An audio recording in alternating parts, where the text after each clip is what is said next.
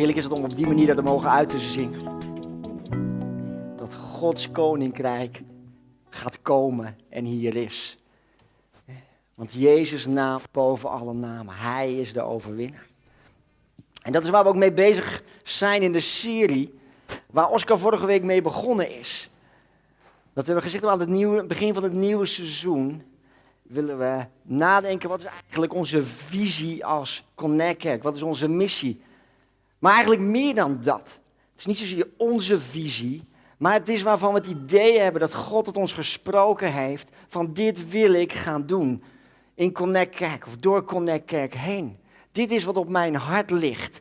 En we zijn in de afgelopen maanden zijn we er heel veel mee bezig geweest. In de verschillende, leiders, met verschillende leiders, leiderschapsteams en de kerngroepen. Van wat betekent dit nou? Omdat het niet iets is wat we alleen willen doen. Maar dit is iets wat we samen willen doen. Waarvan we het idee hebben, dit is niet alleen maar voor, voor een paar mensen. Maar dit is voor iedereen binnen Connect. Dit is wat op Gods hart ligt. Dit is wat God van ons vraagt. Dit is waar Hij ons in mee wil nemen naar de toekomst. Dus het is niet zomaar even iets van alleen voor vandaag. Nee, het is waar God ons in mee wil gaan nemen. Jou en mij. Of je nou hier lang komt of nog wat, eh, nog maar misschien vandaag voor het eerst bent, dat maakt niet uit. Dit is waarvan we het idee hebben wat God op ons hart legt. En dan komen we natuurlijk gelijk bij uit bij de kerntekst van Connect. Yes, daar is hij weer. Wie kent hem al uit zijn hoofd? Nou, kom maar naar voren. Nee hoor. Jullie hebben hem vorige week gekregen en hij wordt ook weer opnieuw op het eh, scherm geprojecteerd. En mocht je hem vorige week nog niet hebben gehad, omdat je vandaag voor het eerst bent, ze liggen daar. Laat hem lezen.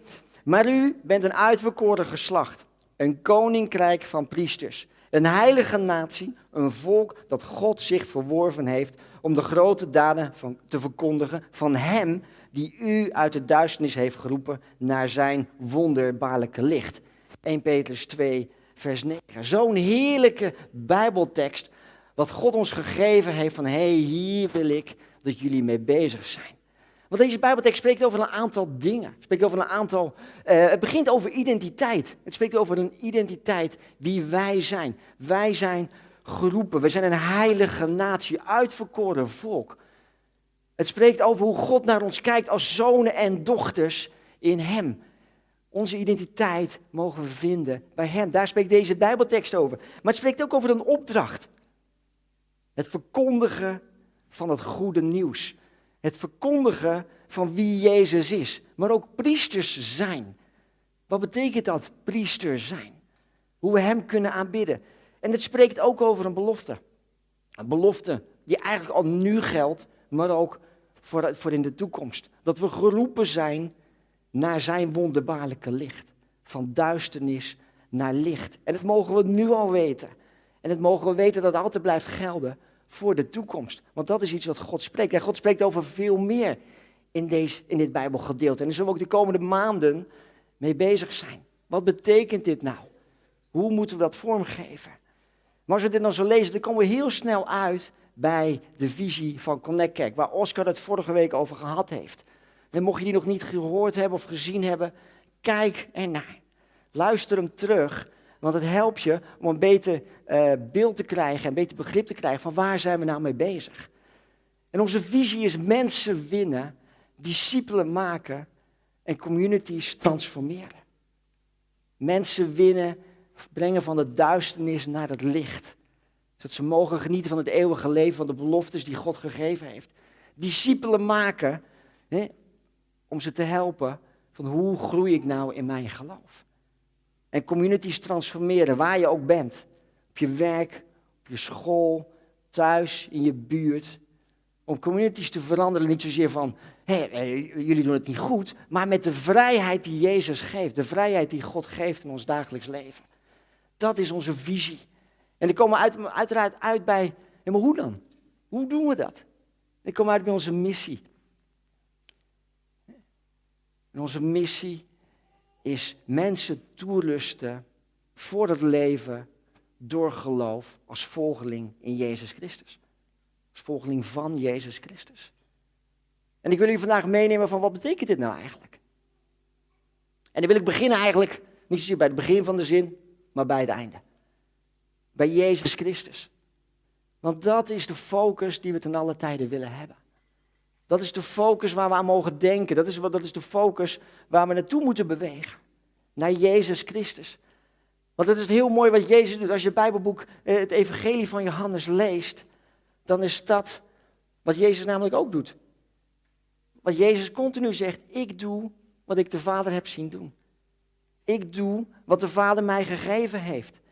Ik doe alleen maar de dingen door Hem die mij gezonden heeft. Ik doe niets vanuit mezelf. Ik doe wat mijn vaders wil is. En misschien wel een van de bekendere in Johannes 14, vers 6, waar Jezus zegt: Ik ben de weg, de waarheid en het leven. Niemand komt tot de Vader dan door mij.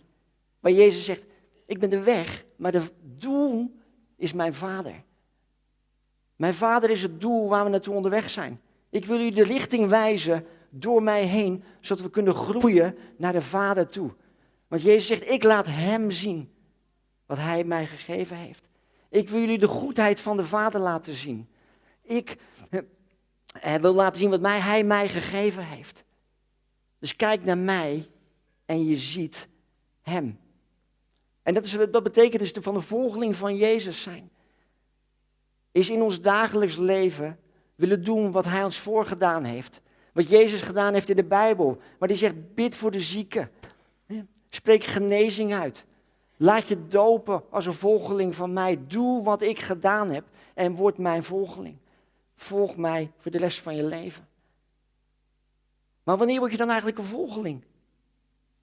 Hm? Romeinen 10, vers 9 zegt dat wanneer je met je mond beleidt, wanneer je met je hart gelooft dat Jezus voor jou gestorven is aan het kruis, dan ben je gered. Ik was, uh, een paar weken geleden waren wij nog in Portugal. En waren daar uh, in, de, in in de party scene, waar duizenden jongeren helemaal losgaan, feesten, midden in de discotheken, seks, drugs en rock'n'roll, dat is wat daar geldt. En we waren daar met een team om te praten over wie God is en over de goedheid van Jezus. En we mochten heel vaak met ze bidden. En op een gegeven moment had ik ook een gesprek met twee jonge gasten. En ik heb het over, over de goedheid van God, over wat Jezus gedaan heeft en wat Jezus kan betekenen voor hun leven. En aan het einde van het gesprek, wat ongeveer zo'n half uur duurde, zeiden ze, maar dat willen wij ook. En midden op straat, in die gekte van de muziek om je heen, alle bassen en alle, alles wat er plaatsvindt, stonden we daar middenin. En we zeiden, ja, maar ik wil mijn leven aan Jezus geven. En ik mocht met hun bidden daar op straat en, en het zondagsgebed bidden. En ik zei, nou, spreek mij maar na. Ik heb het over wat Jezus voor hun gedaan heeft. En hun spreken mij na, daar midden op die straat. En op dat moment gaven hun hun leven aan Jezus. En als je op social media een, een, een, een status kunt hebben van, hey, ben je een volgeling van Jezus of ben je niet een volgeling van Jezus? Op dat moment schoof hun status van volgeling van Jezus. Dat was het moment voor hun dat ze zeiden, ja, ik wil Jezus volgen. Doen ze daarna alles gelijk goed? Nee. Gingen ze daarna misschien nog steeds feesten daar in de party zien? Ongetwijfeld, want dat was hun doel. Dit is niet dat ze dan gelijk opeens totaal overal mee stopten in dit geval.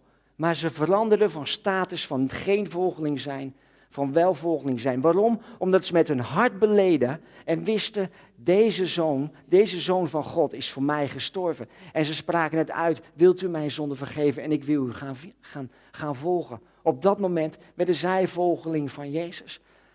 En nu mogen zij gaan leren, net als wij, wat het betekent door geloof. Want ja, dat is een, dat is een, een, een, lang, dat is een lange levensweg. Leren wat het betekent te leven door geloof als volgeling van Jezus Christus. En misschien zit je hier omdat je al twintig jaar christen bent, misschien al vijftig jaar christen bent. Misschien zit je hier omdat je net tot geloof gekomen bent. Dat maakt niet uit.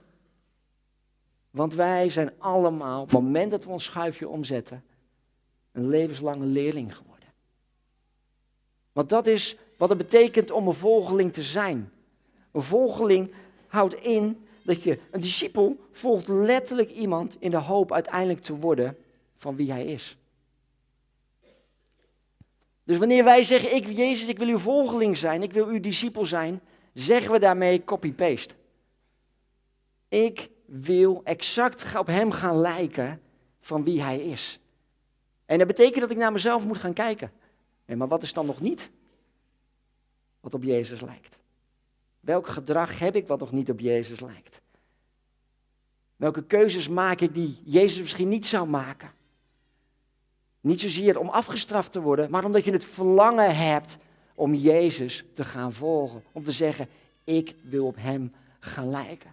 Want Hij namelijk laat de Vader zien. En Hij laat zien waar we naartoe mogen bewegen. Dat is wat Jezus doet. Dat is wat een volgeling inhoudt. En dat hoeven we niet zomaar te doen. Daar mogen we in toegerust worden. Daar mogen we in leren, daar mogen we in groeien. En in Efeze 4 staat er een bij, mooi Bijbeltekst over. Efeze 4 vanaf vers 12.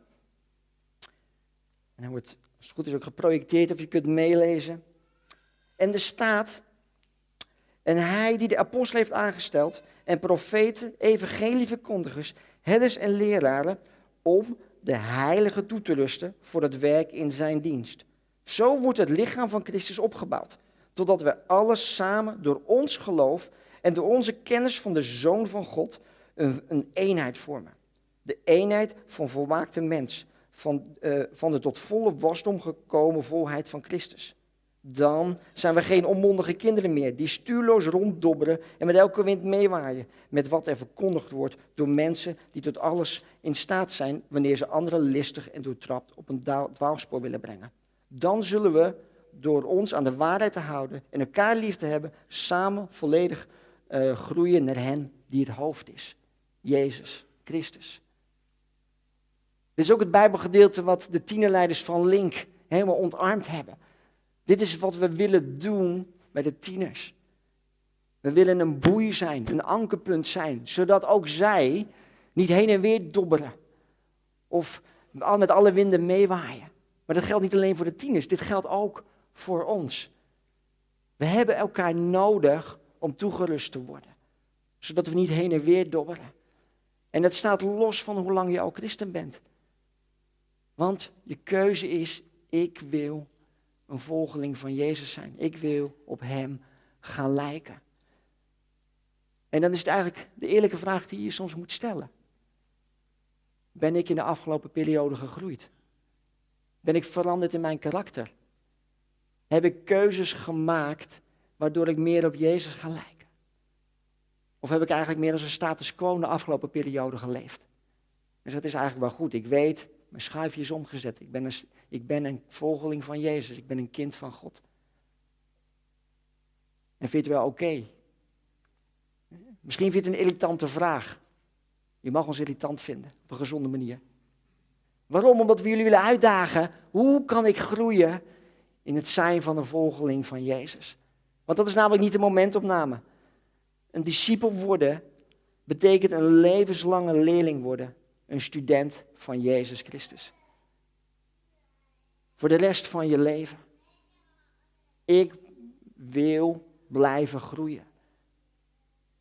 Het is niet dat ik nu klaar ben, nee. Morgen komt weer iets anders waar ik in mag groeien. Dat is Gods verlangen. En daarin wat Efeze 4 zegt, hebben wij elkaar nodig om de heilige toe te rusten. Want wij zijn een heilige natie, een volk uitgekozen om de grootheid van God te laten zien. Ik heb jullie nodig. En soms misschien heb je mij nodig of iemand anders nodig. was jaren geleden was er zo'n televisieprogramma, misschien ken je nog wel, Weekend Millionaires.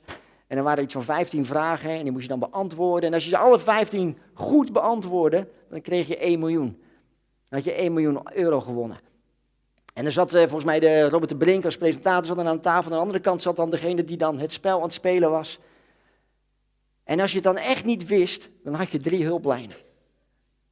De ene hulplijn was, je mocht het aan het publiek vragen. Nee, het publiek had gewoon een kastje. Van welk van de vier antwoorden is het? Een andere hulplijn was dat je iemand mocht bellen waarvan je dacht, die heeft kennis van dat onderwerp. En de derde, derde hulplijn was de 50-50. Er werden vier, twee van de vier antwoorden weg, weggestreept. Maar als je daar al zat, dan wist je alweer echt heel veel. Want je moest echt wel door een selectie heen, dus je had echt wel bepaalde kennis. Maar toch hadden ze hulplijnen nodig. En zo is het ook met ons.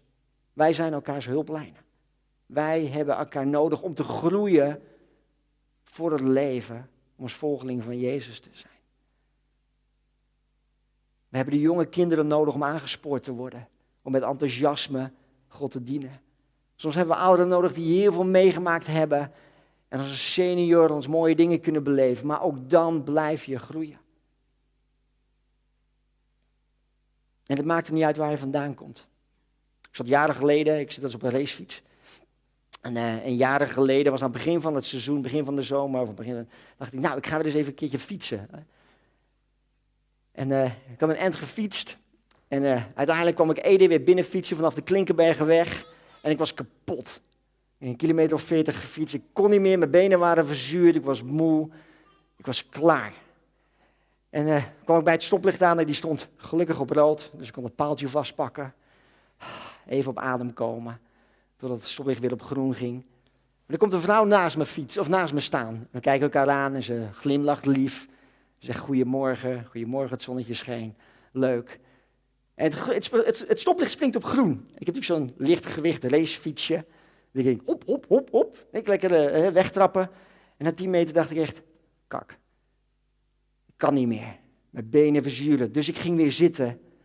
En ik trapte rustig verder. Een paar meter verder komt datzelfde oudere vrouwtje naast me fietsen.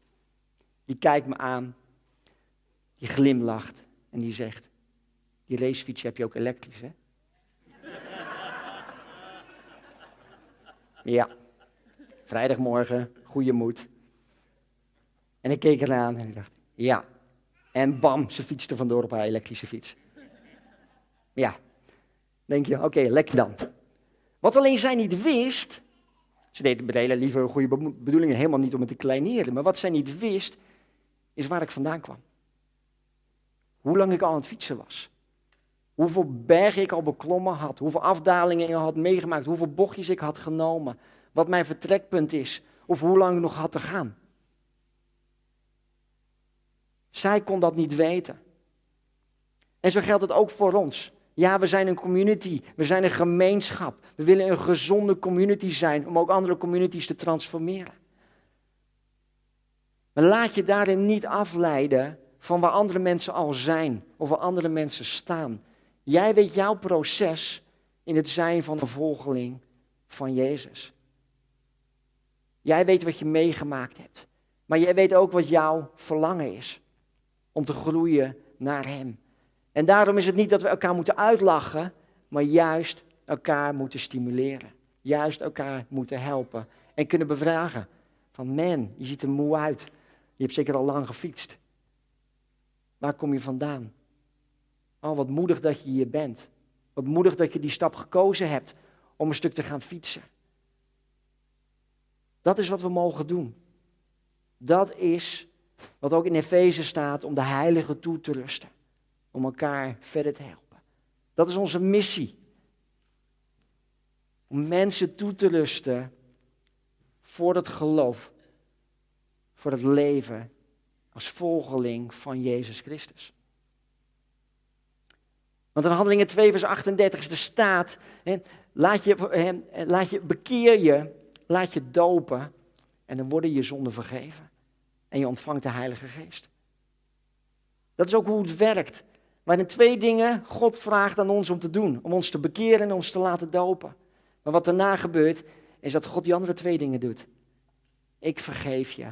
En ik vul je met de geest, zodat ook jij jouw racetocht kunt gaan fietsen.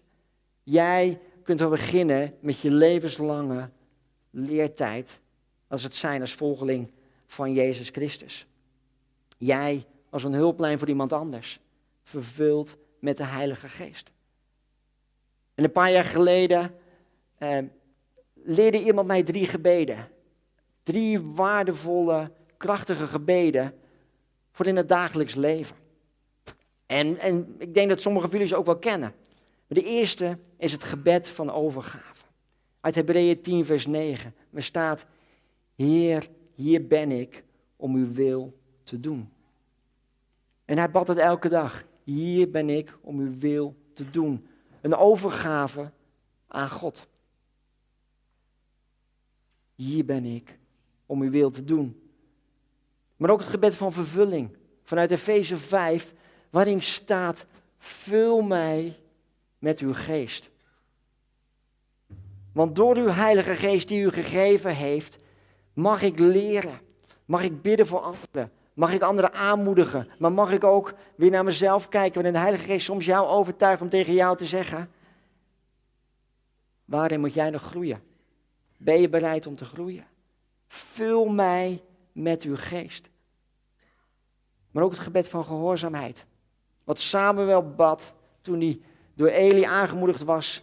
Van volgende keer als je weer een stem hoort, zeg dan, spreek Heer, uw dienaar luistert. Waarin hij aangemoedigd werd om te zeggen, niet eerst zelf spreken, maar luister eerst naar wat God tegen jou wil zeggen. En dat waren de drie gebeden die hij me leerde, die hij ons leerde. Om te zeggen, hé, hey, dat bid ik elke dag. En de volgorde maakt niet uit, maar het gaat om het verlangen wat je hebt. Te zeggen, gebed van overgave. Hier ben ik om uw wil te doen. Niet mijn wil, maar uw wil geschieden. Zoals in de hemel gebeurt, maar ook hier op aarde. Gebed van vervulling, vul mij met uw geest. Want ik weet dat ik, het niet dat ik uw geest nodig heb. En een gebed van gehoorzaamheid. Spreek, Heer, uw dienstknecht luistert. En soms in die drie gebeden leer ik zelf nieuwe dingen. En soms door die drie gebeden word ik aangemoedigd om iemand anders even te helpen. Omdat ik zeg, hier ben ik, ik ben beschikbaar, zodat uw koninkrijk ook komt door mijn leven heen. En dat is de commitment die ik maak. Dat is de commitment die jij mag maken. Om toegerust te worden in de komende jaren. Een commitment te maken voor jezelf. Hé, hey, ik wil toegerust worden. Om uiteindelijk om mensen te winnen. Om toegerust te worden om discipel te zijn, maar ook om discipelen te maken. Om toegerust te worden om, om communities te transformeren door het geloof wat wij hebben in Jezus Christus zodat anderen dat ook mogen gaan ervaren.